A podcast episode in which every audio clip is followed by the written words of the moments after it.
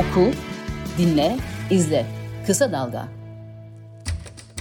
Kısa Dalga'dan tekrar merhaba herkese. Sedat Bozkurt ve ben Ayşe Yıldırım. Yeni bir yayınla karşınızdayız. Hani e, yılın son yayınında böyle insan güzel dilekler söylemek ister değil mi? Güzel şeyler konuşmak ister. Ama galiba yaşadıklarımız, yaşayacaklarımızın göstergesi gibi 2023 buradan bakınca çok zor bir yıl. Böyle hani şey de diyesim geliyor Sedat. E, hoş geldin kaos. evet, Öyle şey, değil mi? Doğru doğru. Her şey muktedir bir cumhurbaşkanımız var. Aslında bir cumhurbaşkanlığı kararnamesi çıkarsa 2023'ü pas geçiyoruz. Direkt 2024'e geçiyoruz dese birazcık rahatlayacağız yani. Gerçekten çok çok gergin ve sıkıntılı bir 2023'ün en azından ilk 6 ayı bekliyor. Ondan sonra da muhtemelen e, o gerginliğin küçük ufak tefek bir yansımalarını e, yaşayacağız ama e, ya her ne olursa olsun yani hani her hep seçime odaklanıyoruz. Hep bir milat olarak seçimi evet. önümüze koyuyoruz. Seçim sonucu ne olursa olsun hiçbir şey eskisi gibi olmayacak. Türkiye için söylüyorum. Hiçbir şey. Yani Erdoğan kaybetse de, Erdoğan kazansa da, altılı ittifak kazansa da, altılı ittifak kaybetse de, parlamentoda çoğunluk şunun ya da bunun eline geçse de seçimlerden sonra çok e, başka bir Türkiye olacak. İyi mi olacak, kötü mü olacak kısmı işte geriyor insanı. 6 ay boyunca yani 2023'ün ilk 6 ayında bu gerginliği ziyadesiyle yaşayacağız. Yani umarım sadece şey yani böyle bir tahammül üzerinden bir gerginlik yaşarız. Pratiğe dökülmemiş bir gerginlik çünkü gerçekten böyle iktidara hayat mayat meselesiyle bağımlı bir e, siyaset var karşınızda. Bir Erdoğan var, bir Devlet Bahçeli figürü var. Yani bunların e, herkes şey soruyor, ne yapabilirler diye soruyor. Ben o soruyu tersten soruyorum. Ne yapamazlar bu iktidarı muhafaza etmek için ya da iktidar tekrar e, tekrar e, tekrar ellerinde tutmak için. Ee, ya baksana Bahçeli hani e, gene her seçim döneminde her taraftan gaz fışkırıyor ya meğer gaz zengini bir ülkeymişiz. Hatta dünyaya bile verecekmişiz ama doğal gazı korkunç pahalı kullanan bir ülkeyiz. Ama bu gaz bulunma şeylerini eleştirenler neredeyse doğal gaz vermeyecek, verdirmeyecek Bahçeli. Dehşet bir şey yani. Okudum okudum acaba sahte hesap olabilir mi diye bir daha baktım. Hayır doğru. Gazını kesecek. Çok korkunç bir şey. Ya şey e, yani MHP siyaseti artık iyice şey siyaset rotasından çıkmış vaziyette. HDP kapatılsın, Anayasa Mahkemesi kapatılsın, CHP kapatılsın, Tabipler Birliği kapatılsın, mimar odaları kapatılsın. Bu bir siyaset değil. Yani şimdi doğalgaz meselesi. Bir de hani dün de bu konularda ilgili söylediğin cümleler var. E, gündemde ortalıkta dolaşıyor. Şimdi 17-25 Aralık'ı bir hafta önce tükettik. O konuda söyledikleriniz de ortada. Hala e, partinizin internet sitesinde de duruyor. Herhalde 17-25 Aralık'ta Türkiye'de tek ben yazdım. Başka da yazan kimse olmadı. E, o kadar e, memleketin içinde bulunduğu durumun e, en vahim tablosudur bu 17-25 Aralık. Ha, yapan insanlar muhtelif motivasyonda bunu yapmış olabilirler ama yapıldığı zaman da ortaya konulmuş bir şey var, bir tablo var. Bir e, adını da koyarak git, gitmek lazım. E, bizzat e, Devlet Bahçeli'nin söyledi. Yolsuzluk ve rüşvet meselesi var yani.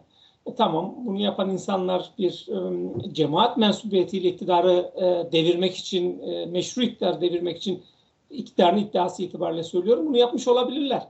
Ben örneğin gazeteci olarak burada takılmam. E, ben ortaya bir somut bir şey çıkmış. Ha, bu tarafın da peşine düşerim. Yani gerçekten sen e, seçilmiş bir siyasi iktidarı devirmek için mi bunları yapıyorsun? E, sorusunun üstüne de, bu şüphenin üstüne de giderim gazeteci olarak. Ama bunun sonucunda ortaya çıkan bir şeyler var. Yani gazeteci olarak biz ne niyetle yaptığını sorgulamayız ki. O zaman her basın toplantısı bir niyetle yapılıyor. Buraya bakmayız. Burayı bile atladık, sıpladık. Şimdi doğalgaz meselesi. Ya komik aslında. Yani yani vatandaş olmasak bu ülke çok komik diyorlar. Boşuna demiyorlar. Gerçekten haklılar.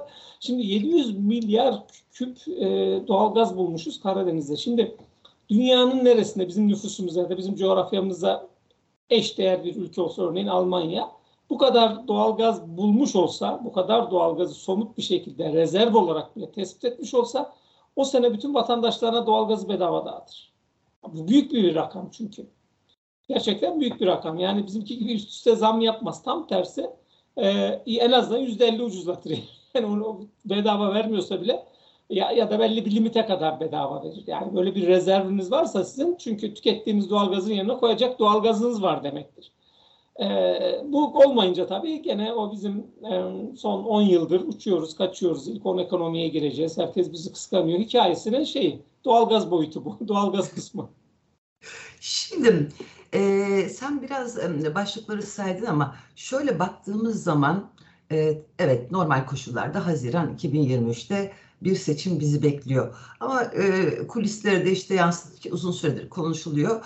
E, biraz daha erken yapılacak gibi duruyor. Hani geçtiğimiz günlerde e, Bahçeli ve e, Erdoğan bir görüşme yapmıştı. 9 Nisan diye bir tarih dolaşıyor. Yani daha önce 16 Nisan'da dolaşmıştı.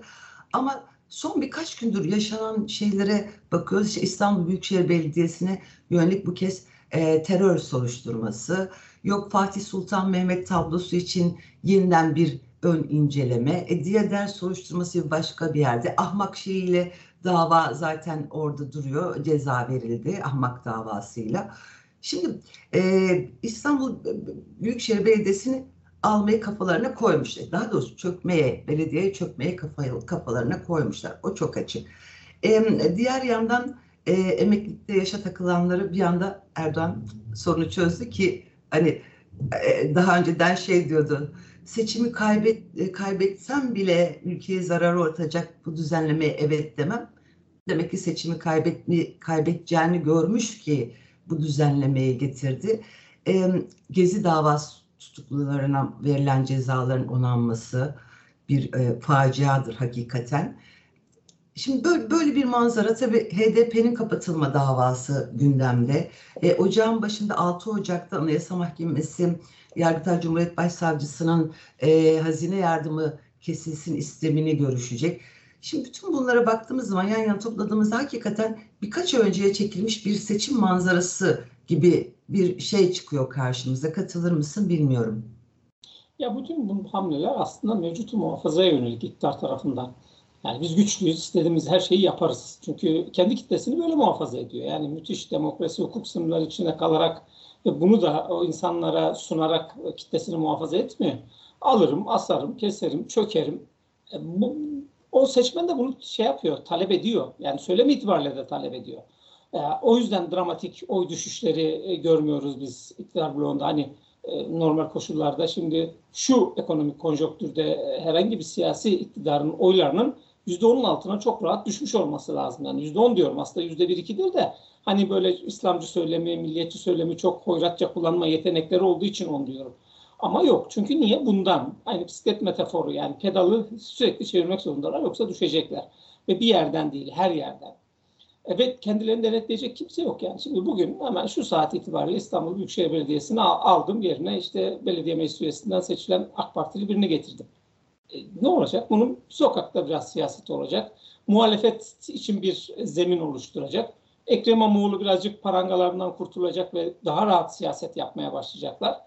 Ee, yani e, bu dönem birazcık e, ayaklarına da dolanacak işler yapıyorlar aslında. Eskiden bunlar hep kendi hanelerine puan, bonus olarak yazıyordu ama artık tam tersi. Yani Ekrem İmamoğlu'nun İstanbul Büyükşehir Belediye Başkanı'ndan alıp siyasi yasaklı hale getirdiğiniz zaman Kılıçdaroğlu'nun aday olması halinde sürekli olarak yanında bir Ekrem İmamoğlu figürü olacak ve buna artı 11 10 e, puanlık bir katkı sağlar bu, bu tablo, bu fotoğraf karesi. Ve Türkiye'nin 81 ilinde bunun bu fotoğrafın verildiğini düşünün siz. Sadece o değil, öbür tarafında da Mansur Yavaş olacak. 6 tane de 5 tane de lider olacak oralarda. Yani bunun altında politik olarak e, bunun karşısında direnmeleri çok mümkün değil. Ama işi zorlayarak oraya götürüyorlar. E, yani bu, bu ruh halini çözmek çok mümkün değil. Erken seçim alamıyorlar. Erken seçim kararı alamıyorlar. Bu onlar için bir travma. O yüzden sürekli gündemde tutuyorlar. Erken seçim daha doğrusu öne alınmış bir seçim. Öne yani alınmış artık. Bir hafta, 15 gün, 20 gün. Ha, e, çünkü şey iktidar e, muhalefet bloğu çok net bir şekilde söyledi yani e, Nisan ilk haftasına kadar yani eski seçim yasası o çok evet. önemli çünkü eski seçim yasasının geçerli olduğu bir zaman diliminde yapacağınız seçime evet onun dışındakilerine hayır.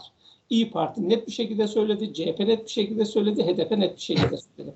Bu koşullarda seçimin e, YSK'nın ilan etme olasılığı olan ya da mecbur olduğu zaman dışında bir hafta, 10 gün, 15 gün öne alma ihtimalleri yok. Bitmişti bu. Yani bir erken seçim sadece e, bir e, niyet olarak iktidar tarafından dillendirir artık. Yapılamaz. Çok mümkün gözükmüyor. Ee, hani erken seçimi niye istiyorlar? İşte haçtı, şuydu, buydu. Bir de hani hmm, Haziran'dan birazcık daha öne çekmek gibi niyetleri var. Çünkü sıkıştı. Çünkü Türkiye ekonomisi şöyle dönüyor. İşte esnaf mantığıyla dönüyor. Günlük kazandığını harcayarak döndürüyorsun ülkeyi. O gün kasaya koyduğun parayı harcıyorsun. Ertesi gün kasa gene sıfır. O gün gene kasaya biraz para koyman lazım. E, böyle bir günlük e, küçük mahalle esnafı gibi dönen bir ekonominiz var sizin ve döndüremiyorsunuz artık. Yani bu burada iyice sıkıntıya girdiniz. Bu nedenle e, bir erken seçim yapamayacaklar ve erken seçim süresi işte Haziran ayında yapılacağını varsayarak söylüyorum. Önlerinde neresinden bakarsanız bakın çok da zor geçecek kış var. Yani Türkiye'de biliyorsun Ocak, Şubat, Mart'ta kıştır. Üç ay daha var önünde kış koşulları. Kış koşullarında insanlar demoralize olurlar. Yani soğukta kimse mutlu olmuyor. Var o mutlu olanlar. Benim çevremde de birkaç tane var. ben onlardan değilim örneğin. Ee, şimdi bu öne, al, öne alamadıkları için kendi kitlelerinden de böyle dramatik kopuşu önlemek için sürekli bunları yapmak zorundalar. Geziyi Hı. kriminalize etmek zorundalar, öcüleştirmek, ötekileştirmek zorundalar e, İstanbul Büyükşehir Belediyesi'ni bir terör odağı olarak göstermek zorundalar ve İstanbul Büyükşehir Belediyesi başkanına yaptıkları her şeyi meşru olarak meşruymuş gibi anlatmak zorundalar. Her şeyi yapacaklar. Sadece orada değil yani başka başka yerlerde de yapacaklar bunu. İşte HDP'nin kapatılma meselesi e, muhtemelen Ocak ayında 6 Ocak'ta görüşeceklermiş. Anayasa Mahkemesi yani hazine yardımına e, temdit koyma e, kararı alır mı almaz mı çok çözemiyoruz. Çünkü Anayasa Mahkemesi bir muamma e, hani böyle iktidarın direkt devreye sokabileceği bir şey yok orada.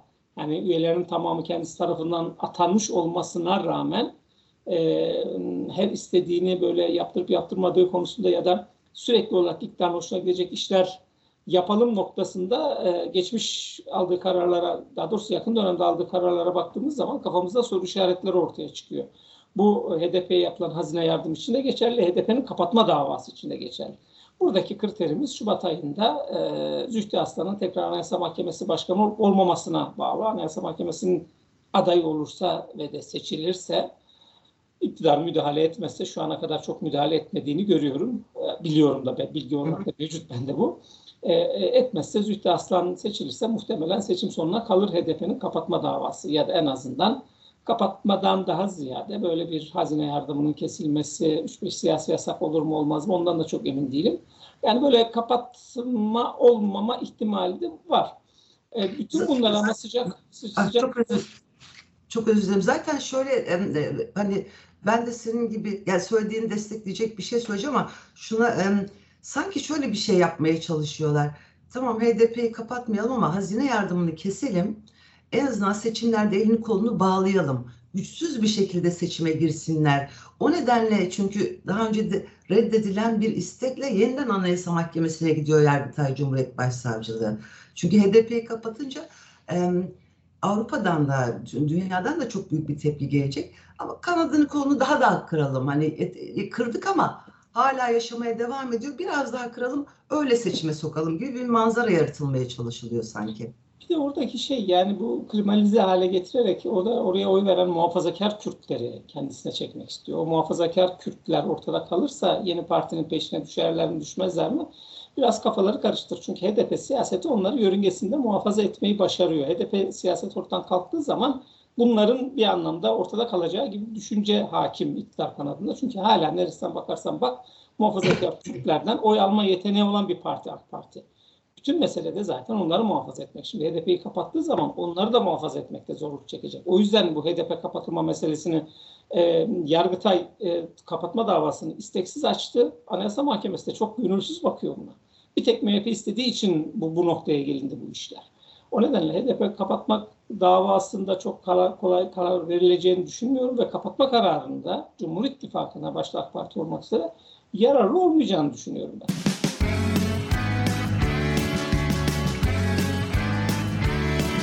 Kulağınız bizde olsun. Kısa Dalga Podcast. Şimdi daha başka şeyler de yapabilir, yapılabilir e, dedin.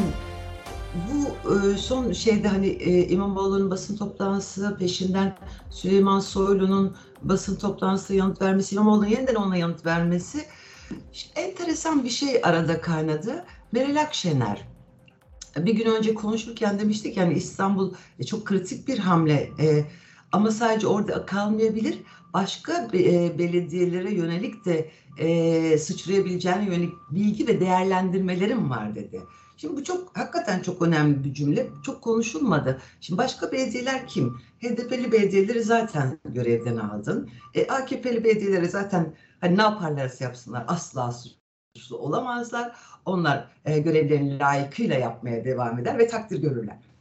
Ne kaldı geriye? Ankara, İzmir, CHP belediye. Bir, bir Mersin'i yokladılar, bir Adana'yı yokladılar. Evet. Ee, yani bu, bu yoklamalarını devam ettirebilirler, mesele değil. Ee, ama İstanbul biliyorsun simgesel bir önemi var. O yüzden İstanbul'a çok fazla abanıyorlar. Ee, birazcık da süreleri de daraldı yani. 5-6 ay içinde bu belediyelere bir operasyon çekmeleri mümkün değil. Çünkü olabildiğince ellerini kollarını bağlamaya çalıştılar. Bağlayamadılar fazlaca. Yani o seçimlerdeki e, sahip oldukları oy desteğini ortadan kaldıramadılar. Halk desteğini ortadan kaldıramadılar. E şimdi bugün de Temel Karamollaoğlu'nun Habertürk'ten Nihal Bengüs Karaca'ya verdiği bir, uzun bir demeç var. Orada da e, Temel Karamollaoğlu diyor. E, hala diyor siz Erdoğan tanımıyorsunuz diyor. Ezer geçer diyor elindeki devlet gücüyle diyor. E, yani herkes farkında meselenin. Yani altılı masadakiler çok çok farkında. E, neler yapamayacağı, yapamayacağı sorusu orada da var yani.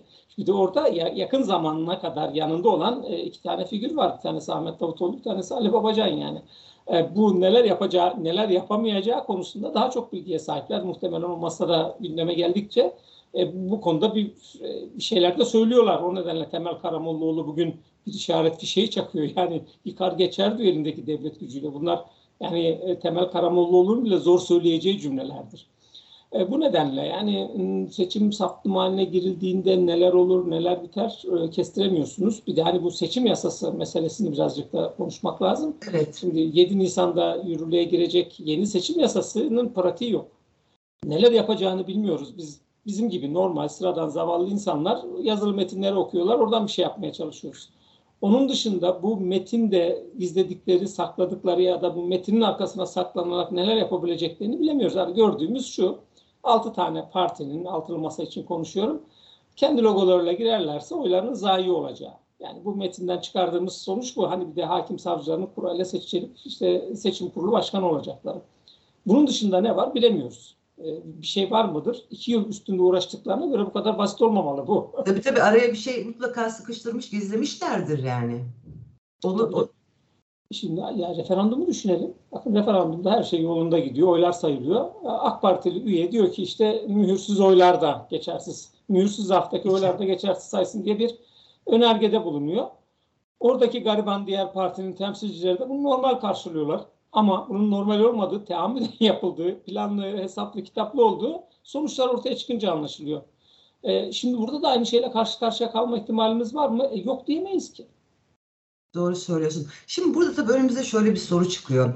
Tamam Erdoğan her şeyi yapabilir biliyoruz. Muhalefet ne yapmalı? Ne yapacak? Yani e, o gün e, İmamoğlu'nun söylediği hakikaten gök kubbeyi başınıza yıkarız sözü çok önemlidir. Her ne kadar Süleyman Soylu bunu sanki e, hukuka ayar veriyormuş gibi, e, te, e, mahkemeleri tehdit ediyormuş gibi, bir suç unsuruymuş gibi sunsa da muhalefetin yapması gerektiği tam da bu. Ama bunu nasıl yapacaklarını ya bilmiyorlar ya da gerçekten korkuyorlar.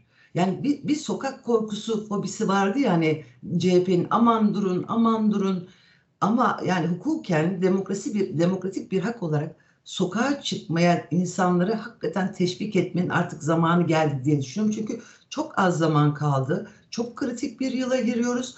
Türkiye hakikaten e, bundan sonraki e, hattını seçecek. Tamam e, dediğim gibi e, hani bu hükümet gitse, muhalefet kazansa bile hiçbir şey tabii ki kolay olmayacak. Nasıl bir Türkiye olacak onu bilmiyoruz ama en azından bazı şeyleri düzeltme şansını yakalayabilecek bir ülke yaratılmış olacak.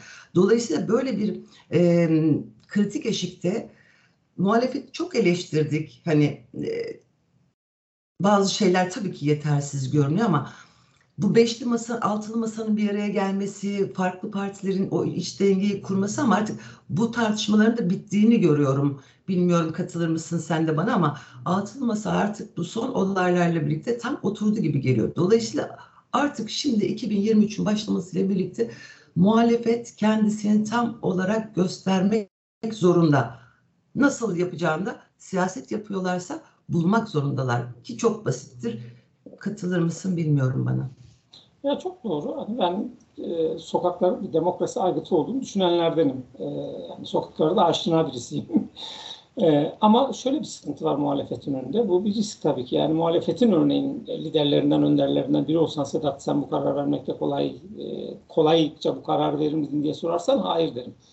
E, çünkü Alaaddin Çakıcılar ortada dolaşıyor. Şat ortada dolaşıyor. Bunlar niye ortada dolaştığını bilmiyoruz. Sedat Şahinler ortada dolaşıyor. Yani bir sürü mafyatik ve çevresinde de onlarca... E, Tehdit ediyorlar insanları çok tabii, işte, niyesi çok iyi biliyoruz aslında. İşte sokaklara o gencecik çocuklar indirdiğiniz zaman ya da masum insanlar çok masum niyetlerle indirdiğiniz zaman başlarına neler gelebileceğini bilemiyorsunuz. Çünkü biraz önce söyledim iktidarda mutlak kalmak zorunda olan bir yapı var karşınızda.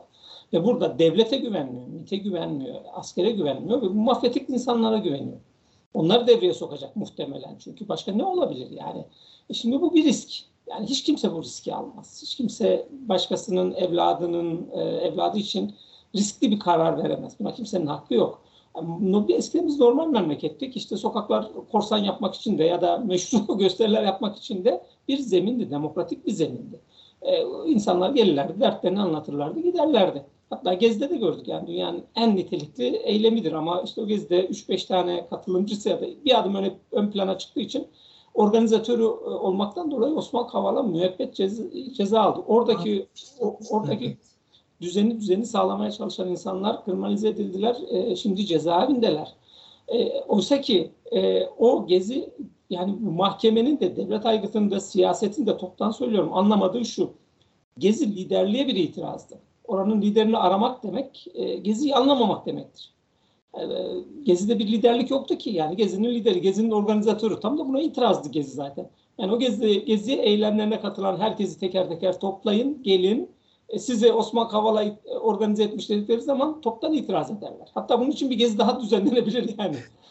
Oraya katılanların birçoğu Osman Kavala'yı tanımıyordur. İsmini bile duymamıştır eminim. Tabii çoğu yani zaten oraya öyle geldiler. Yani bireysel itirazlarını taleplerini dile getirmek için geldiler. Müthiş bireysel. Hani tek tek baktığınız zaman politik kimlikli insanlar ama politik bir hareket olarak değerlendiremeyiz. Yani önüne biz e, mevcut düzeni yıkacağız, sosyalizmi getireceğiz yok. Yani ben bireyim arkadaş. Ben itirazımda, talebimde tek başıma dile getirme yeteneğine sahibim. Ve onun arkasında da durabilirim diye geldi oraya. Ve orada da bir düzen kurdu. Yani o yüzden söylüyorum çok nitelikli bir e, hareketti. Organize olma itibariyle söylüyorum. Ya bizim 1 Mayıs'larda herkes birbirini iter hatta birbiriyle kavga eder sol gruplar. E, orada baktığınız zaman e, siyasi elpazenin en sağından en sonuna kadar insanlar yan yana ve aralarında herhangi bir sorun çıkmadan bir araya geldiler. O yüzden diyorum yani Gezi'yi bir politik hareket olarak değerlendirmek, tabii ki her şey politik ama bu anlamda kategorik olarak politik hareket olarak değerlendirmek akla ziyan. E şimdi muhalefet böyle bir hani sokağa aygıt olarak kullanma sıkıntısı var. Hareket etmekte de çok rahat değil. Çünkü karşısında ne zaman ne yapacağını bilemediği bir e, siyaset var ve siyasetini devletle yapıyor. İşte tak yargıyı devreye sokuyor, tak askeri devreye sokuyor. Merkez Bankası'nı devreye sokuyor. E, ona karşı bir pozisyon almakta sıkıntı çekiyorsun. O yüzden her adım attıkça adım attığın yerdeki gücünü tahkim ediyorsun. Ondan sonra bir adım atıyorsun. Bir de altı tane farklı kimlikli parti bir araya geliyor. Biraz önce sen söyledin. Sorunlar, sıkıntılar yaşanıyor. Bunları aştıkça olgunlaşıyor burası. Mekanik öyle işliyor. E, ve kolay bir iş değil. Yani bütün partilerin kendi içlerinde de sıkıntılar var. Yani bu partiler bir MHP, bir AK Parti gibi tek kişiden oluşmuyor. İçlerinde muhtelif e, yapılar var ve yönetime itirazlar var. Yönetimden hoşnutsuzluklar var. Saadet Partisi de dahil olmak üzere söylüyorum buna. E, ve orada yol almaya çalışıyorlar. Bu, bu bir seçim ittifak modeline dönüşecek. Bu bir hükümet modeline 5, 5 Ocak'ta örneğin geçiş süreci hükümet modelinde açıklayacaklar ki bu en önemli metinlerden bir tanesi. Yani senin benim de kafamdaki pek çok soru işaretine yanıtını orada bulacağız. Yani Cumhurbaşkanı'nın yetkileri nerede başlayacak, nerede bitecek? Bu hükümet modeli fiili bir hükümet modeli olacaklar. Çünkü yazılı metinlerde bir kabine yok. Bir bakanlar kurulu yok, bir hükümet yok. Ee, şimdiki Cumhurbaşkanı fiili bir Cumhurbaşkanlığı kabinesi yürütüyor. Ee, ondan mı olacak? E, liderler burada yer alacaklar mı? Ya da liderler adına mı birileri yer alacak? Bu, bu soruların tamamını yanıtını bulacağız. Bu birazcık altılı masaya güveni e, ve de altılı masanın yarat, yarattığı umutu birazcık daha tahkim edecek. Birazcık daha arttıracak. Öyle bakmak lazım. Çünkü hemen Ocak ayının sonunda da o 72 başlık dedikleri seçim beyannamesi, hükümet protokolü ki bu aynı zamanda Cumhurbaşkanı'nın e, seçim e, meydanlarında anlatacağı öykü olacak. Onu açıklayacaklar. Yani Ocak ayında dolu geçirecekler. Ondan sonra Şubat'ta da daha teknik çalışmalar var. Onları halledecekler bu mekanizmayla çalışarak. Herhalde Mart başında da zaten Şubat ayında aşağı yukarı bir Cumhurbaşkanı adayı ortaya çıkmış olur. Zaten Karamollaoğlu 5 Ocak'taki toplantıda e, adayın masada konuşulabileceğini söylemiş. Şimdi yavaş yavaş kendi içlerinde konuşmaya başladılar. Örneğin Gelecek Partisi ile e, Deva Partisi parti yöneticileriyle teker teker e, Cumhurbaşkanı adayı kim olmalıdır, nasıl olmalıdır isim bazında konuşmaya başladılar. Bu demektir ki masaya gittikleri zaman partilerindeki e, isim olarak söylüyorum. Çünkü muhtelif ya da potansiyel Cumhurbaşkanı adayları konusundaki eğilimi de masada dile getirecek bir bilgiye, veriye sahip olacaklar. Evet. Şimdi manzara hakikaten çok şey e, karanlık. karanlık diyelim. Hani henüz ışığı göremiyoruz. Tünelin nerede bittiğini de bilmiyoruz. E, ama yani olayları belki bugün tek tek konuş, konuşmadık. Dediğin gibi zaten hani konuşsak da ne olacak ki işte Türk Tabipleri Birliği e, Başkanı Şebnem Korur Fincancı hala tutuklu yargılanıyor. Yargılamayı hızlandırdılar ama tutuklu yargılaması devam ediyor. E, Türk Tabipleri Birliği Merkez Konseyi'nin e, tüm üyelerine soruşturma başlatmışlar. Yani çok e, kötü bir e, yıl yaşayacağız ama en azından belki yılın sonuna doğru bir umutlu şeyler ortaya çıkar da biz de güzel şeyler konuşabiliriz diye düşünüyorum. Öyle bitireyim diyorum. Hani iyi dileklerde bulunmak isterim ama yine de hani zorlanıyorum bunu söylerken. Ama yine de güzel bir yıl olsun. En azından insanların ölmediği, açlıktan ölmediği özellikle ee, Valla güzel şeyler bile söyleyemiyorum artık. Sen söyle istersen. ya valla ben yok şöyle birazcık umutluyum. Yani sonuç itibariyle bu ülkedeki medeniyetleşme çabaları 200 yıldır devam ediyor. Aralıksız evet. devam ediyor. Çok sekteye uğradı. Çok sekteye uğradı. Yani bu ülkedeki insanlar belki demokrasi için uzun vadede bakınca hani diyorlar ya tek başına demokrasi mücadelesi verilmedi tepeden inildi. Hayır öyle değil. Gerçekten e, çok uzun süren ve çok ağır bedeller ödeyen bir demokrasi mücadelesi var bu coğrafyada. Bunun boşa gitmediğini net bir şekilde görüyoruz. Ha, nereden görüyoruz? İşte referandumdan itibaren işte yüzde ellilik bir blok vardı orada. Her şeye direnen, nitelikli bir şekilde kimliklerinden bağımsız olarak direnen ve o sayı azalmadı. Tam tersi arta arta arta arta gidiyor. Elindeki devlet gücüne ve kullandığı terminolojiye rağmen her türlü her, her şeye rağmen, baskıya rağmen, cezaevine rağmen, hapse rağmen bak Selahattin Demirtaş'ı susturamıyor cezaevinde. Osman Kavala'yı pişman edemiyor. Şebnem Korur Fincancı'yı ve arkadaşlarını yıldıramıyor. Bunlar çok önemli şeyler. Bizim ülkemiz için önemli tabii ki. Yani hani bu noktaya 200 yıllık o dediğim mücadeleden sonra ya da aydınlanmacı ve önüne batı medeniyetlerini model olarak koymuş bir 100 yıllık cumhuriyet deneyiminden sonra bunları konuşmak gerçekten acı, birazcık da hüzün veriyor ama yapacak bir şey yok. Bizim memleketimiz böyle bir memleket ama bu aşılacağını ben düşünüyorum. Yani 2023'ün ilk 6 ayının birazcık daha gergin, sıkıntılı geçeceğini ama ondan sonra ben e, işin rayına gireceğini düşünüyorum. Başka türlüsü olmaz, olamaz. Yani bu ülkeyi siz e, Türkmenistan gibi yönetemezsiniz. Yani Rusya'nın yörüngesine sokarak Arabistan'ın e, Arabistan'a, Katar'a bağımlı hale getirerek bu ülkeyi yönetemezsiniz. Mümkün değil yani. O nedenle bizi dinleyen ve aynı zamanda izleyen insanlara da e, hani meseleleri anlatırken birazcık umutsuz bir tablo ortaya çizdik ama bunların sonucu olarak ileriye baktığımız zaman umutsuz olmayalım. Güzel, bana da umut verdin. Bir tek umudumuz var zaten. Onu da getirmeyelim. O zaman herkese e, mutlu ve umutlu, sağlıklı bir yıl dileyelim. Evet, herkese mutlu yıllar.